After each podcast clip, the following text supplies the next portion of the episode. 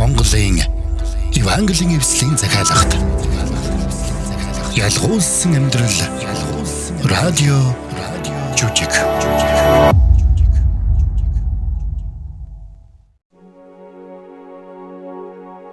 Ялгуулсан амьдрал түүхэн радио жүжиг эхэлж байна.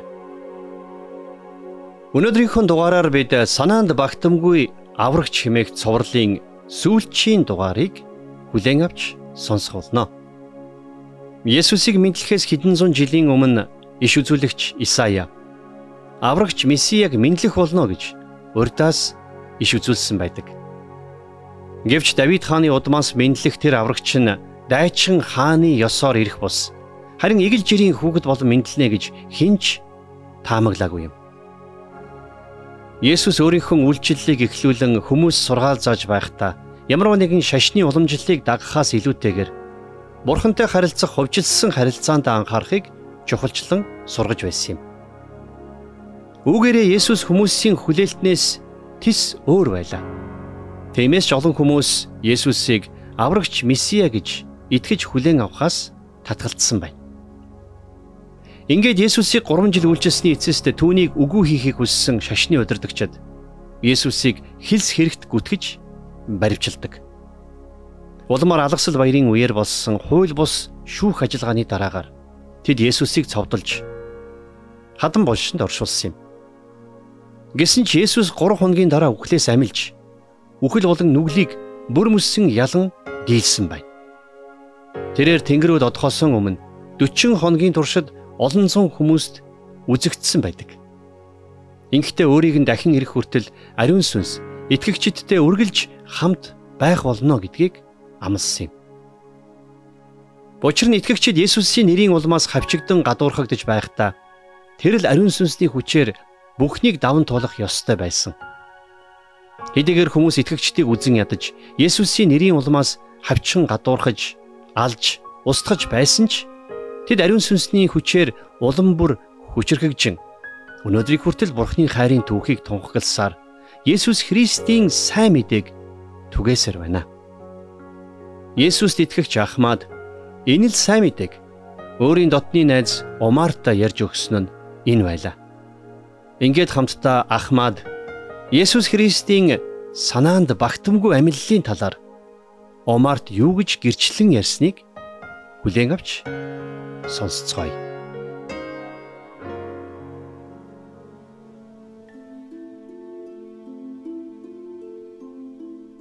Сүүлийн 2-7 хоногийн турш дотны найз Омар маань Есүсийг хэрхэн мэндэлсэн тухай болон түүний амьдралын тухай олон чухал үннийг олж мэдсэн юм.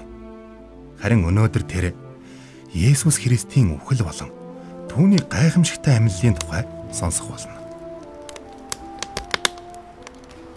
Сайн уу Амар? Сайн уу? Есүсийн тухай дахиад зөндөө олон юм мэдэж авахд бэлнэ үү? Бэлэн байлгүй яах. Ахмад. Хм? Чамтай сүүл дуулцснаас хойш завл гаруула чиний надад өгсөн нөгөө Библийг уншаад байлаа. Хм. Уншаагүй үедээ уншсан зүйлээ бодоод л. Хүмүүс яагаад энэ номыг тэгтлээ ад үзээд байдаг байна? Есүс энэ номонд дандаа л хайр, уучлал, зөвхт байдал, амар тайвны тухай заасан байх шүү дээ.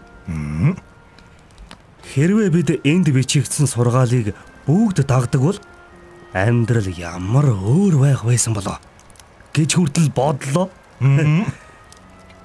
Ер нь яг ямар асуудал байдаг болоод хүмүүс Библийг ад үзээд байдаг юм бэ? Ямар ч асуудал байхгүй шүү дээ, Омар. Зүгээр л Есүсийн сургаал болон түүний амьдрал хүмүүсийн баримтлалсаар ирсэн уламжлалуутай олон талаараа зөрчилддөг юм. Хоёулаа өнөөдөр энэ тухай ярилцах нь зөв байх. За. Жишээ нь Израильчууд эрт цагт Египтийн боолчлоос чөлөөлөгдсөн тухайгаа дурсан санаж алгасал баярыг тэмдэглэдэг. Тухайн үед хураг нядалж цусаар нь хаалганыхаа тодхыг будсан айл бүрийг бурхны үхлийн тэнгэр илж алгасаж өнгөрсөн байдаг юм. Тэгвэл яг ийм алгасал баярын үеэр Есүсийн шамнырийнхан нэг түүнээс урвсан байдаг. Чухамдаа алгасал баярын тэрэл 7 хоногт Бурхны хураг болох Есүс Христ бидний ийм нүглийн төлөө загалмай дээр амиа өгсөн байдаг юм та. Тэд нар Есүсийг барьж аваад цаасалчихдаг үстэй. Харин тий. Тэд нар Есүст хэлс хэрэг тулгаж, зодож, нүдэж, дарамжлан гутаасны эцэст загалмай цовдлсон. Ромын захирагч Пилат Есүсийг цааслах шалтгаан байхгүй гэдгийг мэдэж байсан ч олон түмний шаардлагаар цовдлохоос өөр аргагүй болсон байдаг юм.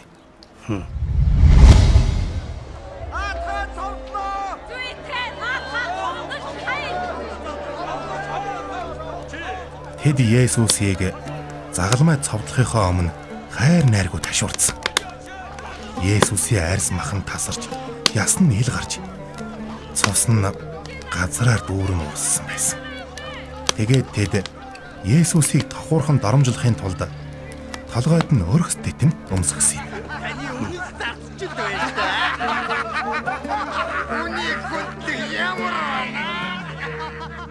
Тэд Есүсийг зодож ташуурцсны дараа Есүс хөл дээр арай ядан зогсож байсан. Тэгээд цэргүүд хажуугаар нөнгөрч явсан нэгэн эрд Есүсийн загалмайг үрүүлээд Голготын толгод руу туусан байгаа юм. Тэгээд тэндээ тэд Есүсийг загалмай дээр цовдлсон юм. За, эхлэх үү дээ. Нэг хадаасыг энэ бугуун дээр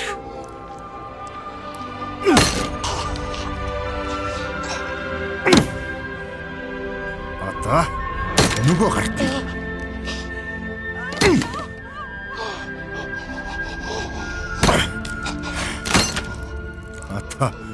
хоёр хөлийг ингэж давхарлаад энэ чамайг хангалттай тогтооно гэж мэд. Хөл чинь ядраад байвал гарныхаа хадаасан дээрээс зүгдээрээ. Тэгээд мөр чинь умалтраад би чинь унжаад ирэхээр сайхан болноо. Одоо тэгээд сайхан тугал да. Тэгээд тэд Есүсийн бүх хувцсыг тайлж аваад хоёр дээрэнчний дунд цовдлсон юм. Харин тэнд байсан цэргүүд хувцсыг авахар шодож байсан. Гэсэн ч Есүс тэднийг хайрласаар байсан.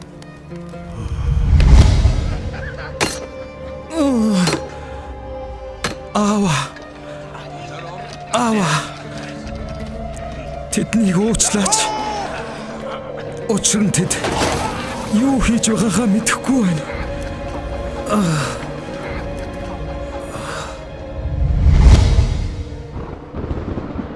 Тэр өдөр гинт тэнгэр харанхуйлж 3 цагийн туршид түнэр харанхуй нүмерсэн гэдэг. Амьсгал хураахынхаа өмнөхөн Есүс бурханд хандан хашгирсан. Харин тэр эцсийн үг нь түүний ялалтын тунхаглал байсан юм. Гүйцэлтлээ.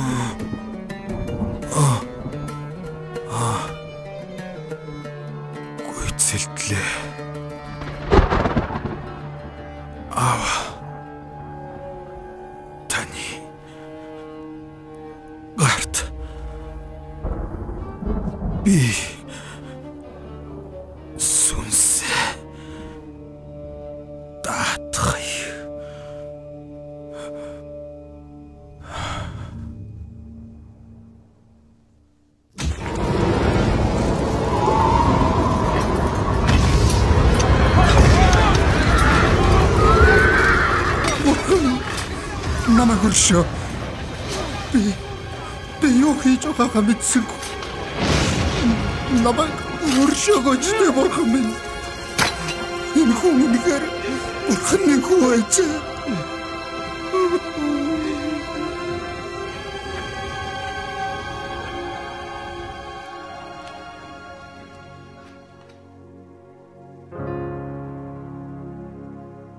Бидэнтэй хамт байгаа сонсогч танд баярлалаа. Есүст итгэгч Ахмад өөрийн дотны найз Умарта Есүсийн тухай ярьж өгч байгаа энэхүү дугаарыг хамтдаа сонсож байна. Тэрээр Есүс хэрхэн хэлс хэрэгт гүтгэгдэж баривчлагдсан тухай бас түүнийг ташуурдан зодож хоёр гимт хэрэгтний дунд хэрхэн яаж цовдлсон тухай ярьж өгсөн. Харин Есүсийг цавлсны дараах 3 цагийн туршид тэрхүү газар нутгийг түнэр харанхуй нөмөрч эцэст нь Есүс гүйцэлтлээ хэмээн хашгираад амьсгал хураасан билээ. Энэ сонирхолтой түүх цааш хэрхэн өрнөхийг одоо хамтдаа үргэлжлүүлэн сонсцгоё.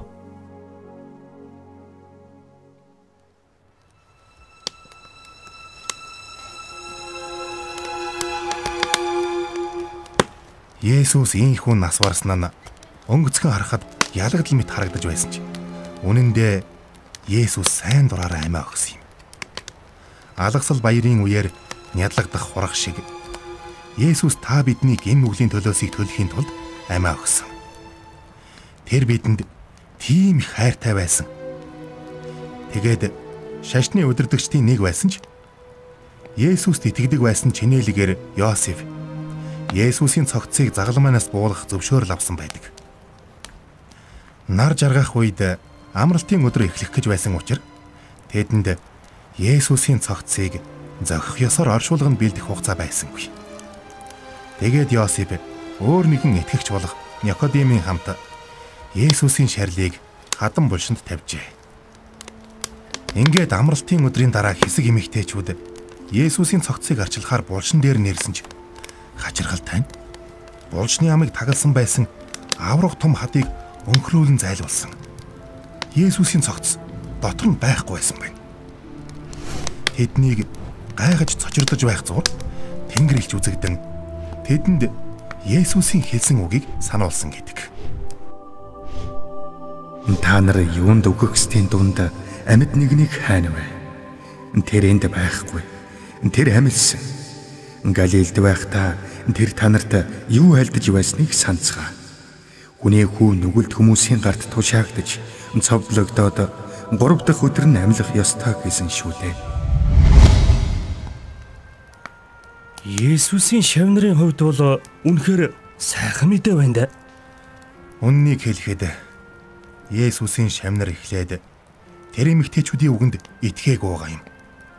Тэгээд Петр, Иохан хоёр өөрсдөө хоосон булшин дээр гүйж ирээд нүдэрээ үзжээ. Тэгээд ч төд бодлого Есүс өөрөө шавнартаа үзэгдсэн байдаг. Амар амгалан та нарт байх болтугай. Юу вэ? Юу? Үгүй. Сүнс үгүй. Сүнс байна. Есүс. Есүс. Үнэхээр та мөн гэж юу? Та нар юунд сандарч зүрхэнд чинь эргэлзээ төрнө вэ? Миний гар, миний хөлийг хараач. Эн чинь би өөрөө байна. Есүсийн Надад гараа хүргээд үз. Есүс шавнартаа өөрийнхөө эдэлсэн зовлон, үхэл оршуулга болон амьллын тухай тайлбарлаж тэдгээр нь яш үзүүлгийн дагуу биелсэн гэдгийг батлан хэлж өгчээ. Хожим нь Есүс Иерусалимийн дэрэгдэх Чидүүн уулан дээр сүүлчийн сургаалаа айлцсан байдаг юм. Тэнгэр газар дээрх бүх эрх мэдлийг надад өгсөн. Иймээс та нар яв. Бүх үндэстнийг дагалдуулагтун. Эцэг, хүү, ариун сүнсний нэрээр тэдэнд баптизм хүртээ. Та нарт тушаасан бүгдийг минь сахин биелүүлэхийг тэдэнд заа.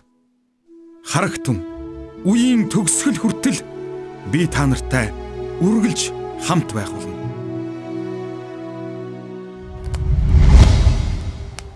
Ингээд Есүс тэнгэр рүү додсон байна. Ингэхдээ Есүс өөрийн шавнартаа өөрийнх нь ажлыг үргэлжлүүлэн хийхийг даалгасан. Гэхдээ тэд энэ ажлыг өөрсдийн хүчээр хийх ёсгүй байсан. Учир нь Есүс тэдэнд ариун сүнсээ амласан байсан юм. Тиймхүү шавнар нь ариун сүнсийг хүлээн авснаар Есүсийн даалгасан бүхий л ажлуудыг гүйцэлдүүлэх боломжтой болсон юм. Галилийн эрчүүд та нар юунд тэнгэр ширтэн цогсон вэ? Та нараас өргөвдөн тэнгэрт аваа чигтсэн энэ Есүс тэнгэрүүд явсныг нь та нар харсан лугай адил мөн тэн буцаж ирнэ. Есүс дагалдагч нартаа амар хялбар амьдралыг амлаагүй юм шүү амаар. Гэсэн ч Есүс бидний амьдралын зовлонтой жаргалтай бүхий л өдрүүдэд бидэнтэй хамт байх болно гэж амласан юм. Нөгөө тээгүүр бидний одоогийн зовлон бидний хожим хүлээн авах мөнхийн шагналын дэргэд юу ч биш. Тиймээс Есүсийг дахин ирэх тэр өдрийг хүртэл бид түүний тухай олж сонсоогүй хүмүүст Есүсийн сайн мэдээг дуулгах учиртай юм. Бас түүний бидэнд анхааруулсан анхааруулгыг ч санаж явах учиртай. Хэн нэгэн та нарыг төөрөгдүүлэх вэ? Болгоомжл.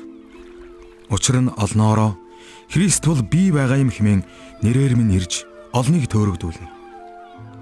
Та нар дайн ба дайны сураг чимээг удахгүй сонсно. Бүүц учирт. Тэдгээр нь болох учиртай боловч төгсгөл нь хараахан биш юм. Үндэстэн үндэстнийхээ эсрэг хаанчлал хаанчлалынхаа эсрэг босох бөгөөд энд тэндгүй өсгөлэн хийгээд газар хөдлөлт болно. Энэ бүгд нь төрх өвдөлтийн зөвхөн эхлэл юм. Тэгэхэд та нарыг зовлон гамшигт тушааж та нарыг ална. Миний нэрээс болж та нарыг бүх үндэстэн үзэн ядах болно. Тэр үед олноороо бүдрэх бөгөөд нэг нэгнээ тушааж, нэг нэгнээ үзэн ядна. Олон хуурамч иш үзүүлэгчэд гарч ирж олныг бүдрүүлнэ. Ёс бус явдал өсснөөс болж олонхын хайр хөрнө. Харин эцсийг хүртэл твцсэн нь аврагдах болно. Хаанчлалын энхүү сайн мэдээ дэлхий даяар тунхаглагдж бүх үндэстэнд гэрчлэл болно. Тэгэхэд л төгсгөл ирнэ. Харин тэр өдөр цагийг хэн ч хэс мэднэ. Тэгвэл Есүс яг хизээ дахин ирэхийг бид мэдэхгүй ч түүнийг дахин ирэхэд бэлтгэлтэй байх ёстой гэсэн үг үү? Яг наадах чинь шүү дээ. Ааха. Тэгвэл Ахмад. Би бэлэн байхыг хүсэж байна. Яаж гэдгийг чи надад хэлж өгч чадах уу? Дуртаяа хэлж өгье амаар.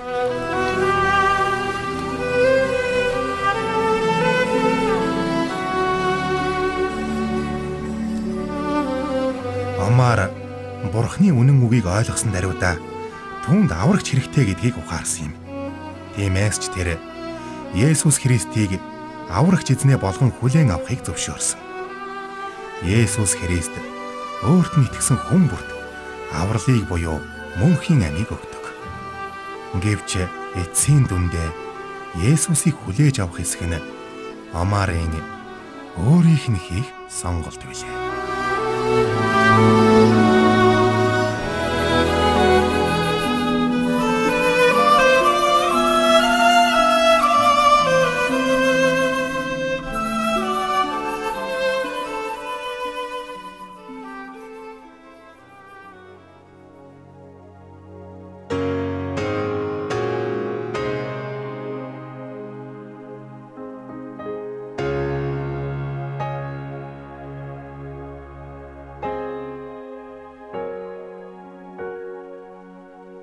Есүс Тэнгэрийн улс дахь сэнтигээ орхин энэ дэлхийд бяцхан хүү болон мэндэлсэн. Тэр гимзэмгүй төгс амьдралаар амьдарсан. Тэр бидний төлөө загалмай дээр амиа өгсөн. Хэдийгээр тухайн үеийн шашны удирдагчид Есүсийг хөнөөхөөр санаархаж байсан ч Есүс өөрийнхөө амийг сайн дураараа өргөсөн юм. Тийхүү Есүс загалмай дээр амиа өгөх үед түүний үйлчлэлийг нэг мөсөн дууслаа гэж бүгд бодцоож байсан. Гэвч тийм байсангүй. Есүс үхлээс амилсан. Үүгээрээ Есүс ёрийн мууг ялан дийлэх хүч чадлаа харуулсан юм. Ямар ч гим зэмгүй тэр өөрийн амиар та бидний гим нүглийн төлөөсийг төлсөн. Тинхүү өөрт нь итгэсэн хүн бүрт мөнхийн амийг өгч мөнхийн улсын иргэн болох эрхийг өгсөн. Есүс өнөөдөр ч ариун сүнсээрээ итгэгчдийн амьдралыг удирдан чиглүүлсээр байна. Харин хожим нь Есүс дахин ирж өөрийнхөө хүмүүсийг авах болно. Харин тэр өдрийг хүртэл бид энэ гайхамшигтай үннийг хүн бүрт боломжийнхоо хэрээр тунхаглан ярих учиртай юм шүү.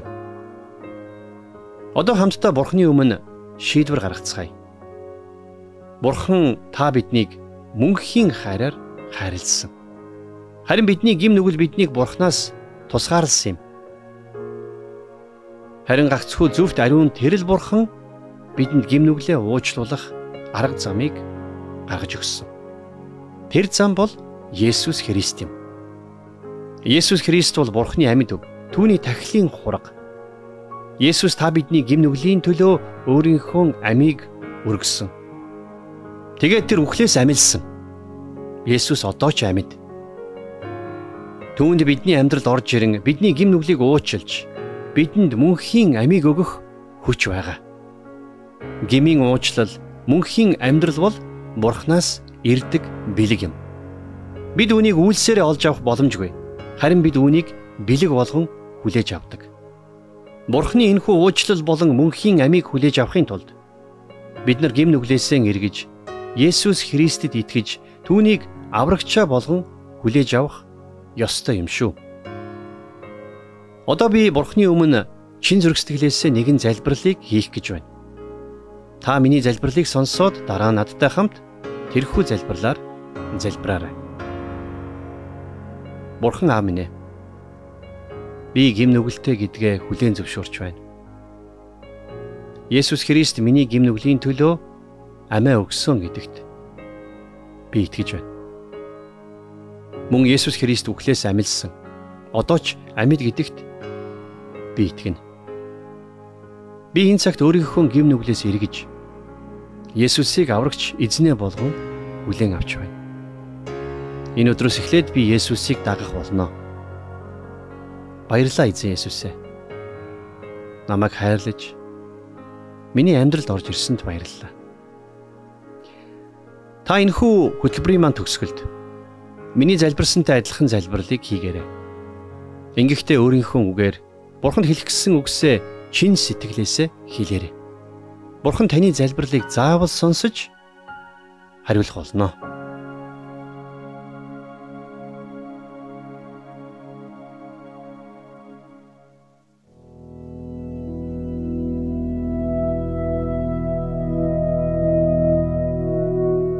Радио жүжигийг маань хүлээн аван сонссон сонсогч танд маш баярлалаа.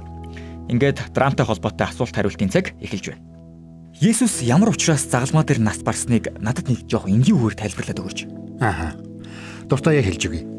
Есүс загалмаа дээр нас барахдаа бидний гим нүглийн төлөө нас орсон юм аа. Өөрөөр хэлбэл бидний өмнөөс нас орсон гэсэн үг. Тиймээс ч Бурхны үгэнд хэлэхдээ нүглийг үл мэдгч түүнийг бидний төлөө тэрээр нүгэл болгосны учир Түүний дотор бид Бурхны зөвхт байдал болох юмаа гэсэн байдаг. Есүс бидний гим нүглийн төлөө золиос болон амиа өгсөн. Би дахиад Библиэс уншиж өгье.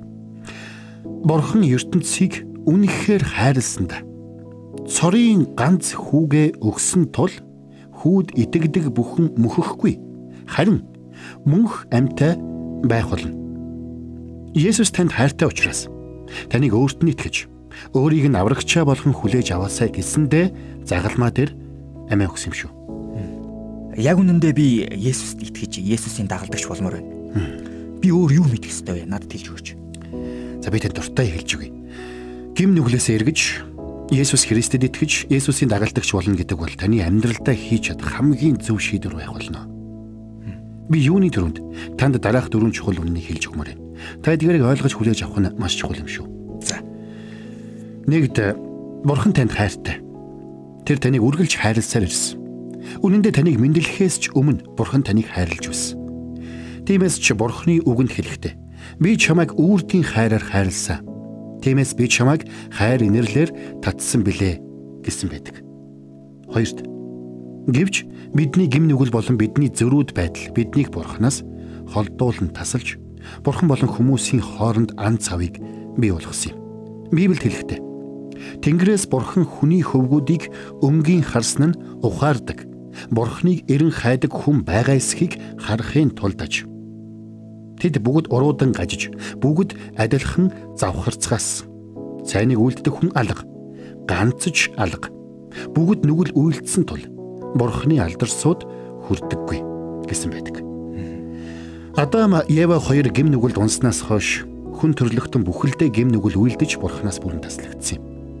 3-д Харин бидний энэхүү гим нүглийн эцсийн шийтгэл нь үхэл буюу Бурханаас мөнхөд тусгаарлагдах шийтгэл байх болно гэдгийг Библи хэлсэн байна. Нүгэл үлдэгч ам үхэх болно. Учир нь нүглийн хөлс нь үхэл гэж Библиэд тус тус бичигдсэн байдаг. Тиймээс бид ямар атсан шалаанд орсон бэ гэхээр нэг талаас бид гим нүглийнхээ улмаас бурхнаас тусгаарлагдсан нөгөө талд энэ нөхцөл байдлаа өөрчлөх хүч бидэнд байхгүйсэн. За дөрөвд. Гэхдээ нэгэн сайн мэдээ бий. Бурхан өөрөө бидэнд энэ ан цавыг нийлүүлж бидэнд уучлагдсан аврагдах боломжийг нээж өгсөн юм а. Бурхан ертөнцийг үнэхээр хайрласанд цорын ганц хүүгээ өгсөн тул хүүд итгэдэг бүхэн мөхөхгүй харин мөнх амьтаа байх болно гэж Библиэд бичигдсэн байдаг. Бурхан ертөнцийг хайрлсан гэдэг нь үүнд та бид хоёр ч гэсэн багтж байна гэсэн үг. Өөрөөр хэлбэл Бурхан та биднийг маш их хайрлсан учраас өөрийн хүүг бидний өмнөөс өхүүлэхээр илгээсэн гэсэн үг. Тэнхүү бид гим нүглээ уучлуулж Бурхантай эвлэрэх боломжтой болсон юм. Хамгийн гайхалтай нь шүү дээ. Есүс бидний төлөө нас барсан ч булшинда үрд үлдээг байхгүй юу? Есүсийг нас барснаас хойш 3 хоногийн дараа Бурхан түүнийг үхлээс амьлуулсан. Тэр одоо ч амьд. Тэр үрд мөхөд амьд байж та бидэнд бялхсан амийг өгсөөр байх болно. Харин энэ гайхамшигтай харилцааг амьдралдаа мэдэрч амьдрахын тулд бид өөрсдийн ёрын муу байдлуулад гим нүглийг гимшин улаах ёстой. Тэгэд Есүс Христ биднийг гим нүглээс мань аварсан гэдэгт бүрэн итгэх ёстой юм шүү. Библиэд хэлэхдээ Харин өөрийг нь хүлээн авсан болгонд өөрийнх нь нэрэнд итгэгчдэд тэрээр бурхны хүүхэд болох эрхийг өглөө гэсэн байдгийг та бидгий мартаарай. Товчон дүгнэд хэлэх юм бол бурхан таныг хайрлсан гэвч та бурхны эсрэг нүгэл үлдсэн. Харин нүглийн эцсийн шийтгэл нь үхэл буюу бурхнаас үрд тусгаарлагдах шийтгэл байсан. Тиймээс ч бурхан таныг аврахын тулд таны төлөө Есүс Христийг загалмай дээр үхүүлэхээр илгээсэн. Тиймээс та гим нүглээсээ эргэж Есүсийг аврагчаа болгон хүлээн авч түүнд итгэх үед тэр таны гим нүглийг уучилж танд мөнхийн амийг өгөх бол. Баярлалаа. Маш их баярлалаа. Би Есүсийг аврагчаа болгон хүлээн авч Есүсийн дагалдагч үнэхээр болмоор байна. Инхийн тулд гэхдээ би яг юу хийх ёстой вэ? Та та эхлээд бурхантай ярилцах ёстой. Бурхантай ярилцна гэдэг нь бурханд хандан залбирч түүнд өөрийнхөө зүрх сэтгэлийг илчлэн хэлнэ гэсэн үг. Бурханы үгэнд хэлэхдээ хэрв та Есүсийг эзэн гэж амаараа хүлээн зөвшөөрч Бурхан түүнийг үхэхстээс амьлуулсан гэдэгт зүрхэндээ итгэвэл зүрхэндээ итгэвэл аврагдах болно гэсэн байдаг. Та хизээч хаанч хүсвэл яг одоо ч Бурханд хандаж залбирч болно. Та Бурханд хандаж өөрийнхөө гим нүгэл, ёроо юм уу бүхнээс эргэж байгаагаа түүнд хэлэх хэрэгтэй. Бас түүний хүү Есүс Христ таны төлөө загалмай дээр нас барсан гэдэгт итгэж түүнээс ирэх мөнхийн амийг хүлээн авахыг хүсэж байгаагаа та хэлээрэй. Хэрвээ та ийхүү залбирх юм бол ингэж залбирсан тэрл мөчөд та бурхнаас уучлалыг хүлээн авч бурхны гэр бүлийн гишүүн болох болно. Та Есүс Христийн дагалдагч. Би Есүсийн дагалдагч болвол би хэрхэн амьдрах ёстой вэ? За энэ бол үнэхээр зөв асуулт. Бид Есүс Христэд итгэж түүнийг аврагчаа болгон хүлээж авах үед түүнийг даган амьдрах шийдвэрийг гаргаж байдаг. Тийхүү түүний ариун сүнс бидний амьдралд орж ирж бидний өдөр тутмын амьдралд бидэнд тусалж эхэлдэг. Учир нь Бурхан биднийг итгэлийн амьдрал дотроо үргэлж өсөөсэй гэж хүсдэг. Бидний хувьд итгэлээр өсөх нэгэн чухал арга зам бол залбирал юм. Бид өдөр бүр Бурханд хандан залбирах буюу Бурхантай ярилцдаг байх хэрэгтэй. Цаашилбал бид бүгд гим нүгэл үйлдэхгүй амьдрахыг хичээх ёстой. Харин хэрвээ би гим нүгэл үйлдэх юм бол тэр даруйдаа түүнийгээ Бурханы өмнө гимшиж Бурханаас уучлал хүссэн залбирах хэрэгтэй юм. Бас бид өдөр бүр Бурханаас мэрэгэн өдөрдамжийг хүссэн залбирдаг байх хэрэгтэй. Мөн бусдын төлөөч гэсэн гуйж залбирдаг байх нь их чухал. Бидний хувьд итгэлээр үсэх өөр нэгэн чухал арга зам бол өдөр бүр Бурханы үгийг унших явдал юм. Учир нь Бурхан өөрийнхөө үгээр дамжуулан бидэнтэй ярьдаг. Түүний үг биднийг итгэл дотроо илүү хүчтэй болоход маань тусалдаг. Ариун сүнсний тусламжтайгаар бид Бурхны хүслийн дагуу хэрхэн амьдрах учиртайг мэдээд зогсохгүй тэр л амьдралаар амьдарч чаддаг. Би Есүст итгээд Есүсийг дагсныхаа төлөө ямар нэгэн гадуурхал хавчигдлыг мэдэх болоод юу л яах вэ? За энэ асуултыг асуусан танд баярлалаа. Ерөнхийдөө бол бид Есүсийг дагсныхаа төлөө хавчигдан гадуурхах нь бараг л тодорхой. Яг гэвэл Есүсийг дагна гэдэг дандаа амархан байдаггүй. Есүст итгэгчид итгэлийнхээ төлөө хавчигдан гадуурхагдах нь түгээмэл үзэгдэл. Тиймээс ч Есүс өөрөө хэлэхдээ Тэд намайг хавцсан бол та нарыг бас хавчих болно гэсэн байдаг.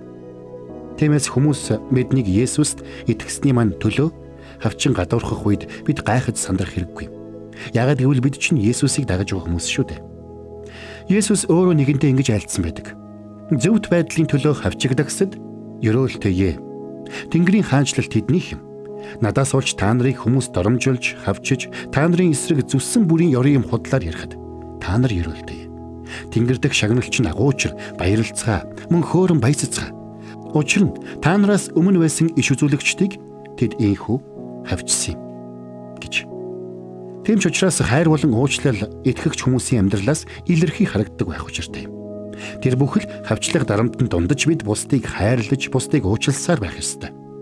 Яагад гэвэл Есүс дайснуудаа хайрл. Та нарыг хавчигчдын төлөө залбир гэж сургасан байдаг. Есүс өөрөө загалмай дээр нас барах үедээ өөрийг нь цовдлсон хүмүүсийн төлөө аава тэднийг уучлаач. Учир нь тэд юу хийж байгаагаа мэдэхгүй байна хэмээн залбирч байсан юм. Гэхдээ бид хавчлагтай ганцаархнаа нүүр тулдаг юм бишээ. Ягаад гэвэл бид нарын амьдралд тохиолдож байгаа аливаа хавчлаг, дарамт, зовлон, бэрхшээл бүрийг Бурхан мэдэж байдаг. Тэр бидэнтэй үргэлж хамт байдаг. Ягаад гэвэл Бурхан өөрөө би чамайг хизээж орхихгүй, мөн чамайг хаяхгүй гэж хамласан. Түүний оршихуй бидний амьдралд үргэлж хамт байдаг учраас бид Библиэлд бичигдсэн үгийн дагуу эзэн миний туслагч, би айхгүй. Хэн надад юу хийж чадах вэ гэж зоригтойгоор тунхаглаж чадна. Хүмүүс ингэж ярьдаг штэ. Миний амьдралд бурхан юусоо хэрэггүй. Тэгээд ч би Есүсийг бурханы хүү гэдэгт итгэхгүй байна, тэ?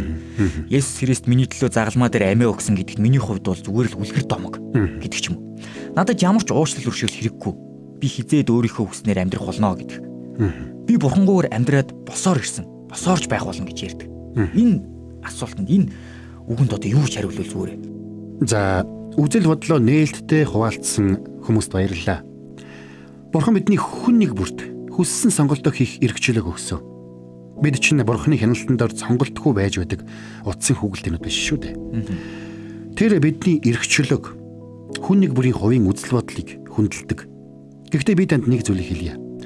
Бурхан таныг амьдралын чинь бүхий л өдрүүдийн туршид үргэлжлүүлээд хайрласаар л байх болно та бурхны хайраас хаашаач холдож зүгтаж чадахгүй.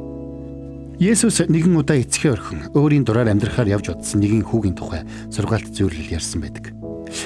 Эцэг нь хүүдээ дураараа явах хэрэгчлөөг нь өгсөн боловч хүүгээ хайрласаар түүнийг эргээд ирэхийг өдөр бүр хүлээсээр байсан. Тиймээс та өнөөдөртөө өөрийнхөө амьдарч байгаач хизээ нэгэн цагт амьдралаа зүрх сэтгэлээ бурханд нээж Есүс Христэд итгэх шийдвэр гаргах юм бол тэр цагт ч бурхан таныг баярлан хүлээж авах болно гэдгийг ойлгоорой. Та надтай маш илэн талангүй ярьсан учраас би бас тантай илэн талангүй ярмаар байна л да. Үнэн дээр бурханаас ангид амьдралын эцсийн үр дагавар үнэхээр аимшигтай гэдгийг би танд хэлмээр байна. Бурханы үгэнд хэлэхдээ хүн ганц удаа үхэж дараа нь шүүгдэхээр товлогдсон гэсэн байдаг. Хожимын нэгэн өдөр та үхэлтэй нүүрт болох болно. Тэгээд та бурханы өмнө зогсох болно. Харин тэр цагт таны хувьд гим нүглээ гимшиж Есүс Христэд итгэхэд дэндүү оройтсон байх бол. Тэр үед Бурхан өөрөөс нь нүүр буруулж ирсэн хүмүүст хараагдагстаа надаас зайл. Диавол болоо түүний тэнгэрлэгч нарт бэлтгэсэн мөнх галд ор химэн тушаах болно. Тэр цагт та Бурханаас үрд тусгаарлагдаж үрч мөнхийн галтай тамд үрд хаягдах болно. Тиймээс би таныг ятгах байна. Амьдралаа дахин нэг бодоод үз. Тэгээд таныг ямагт хайрлаж таныг олон арга замаар ивэж өрөөсөөр ирсэн тэр бурхан руу эргээсэй гэж би чин сэтгэлээсээ л хүсэж байна. Надад нэг хэдэн ойлгомжгүй асуулт байдгийн. Есүсийг яагаад бурханы хураг гэж нэрлэдэг байгаа юм? Олон зуун жилийн туршид хураг болон бусад мал амьтдыг гим нүглийн төлөөх тахил болгон бурханд өргөсөөр ирсэн байдаг. Тийм ч учраас бурханы үгэнд хэлэхдээ харин тэр тахилд нь жилийн жилд нүглийн сануулга буй.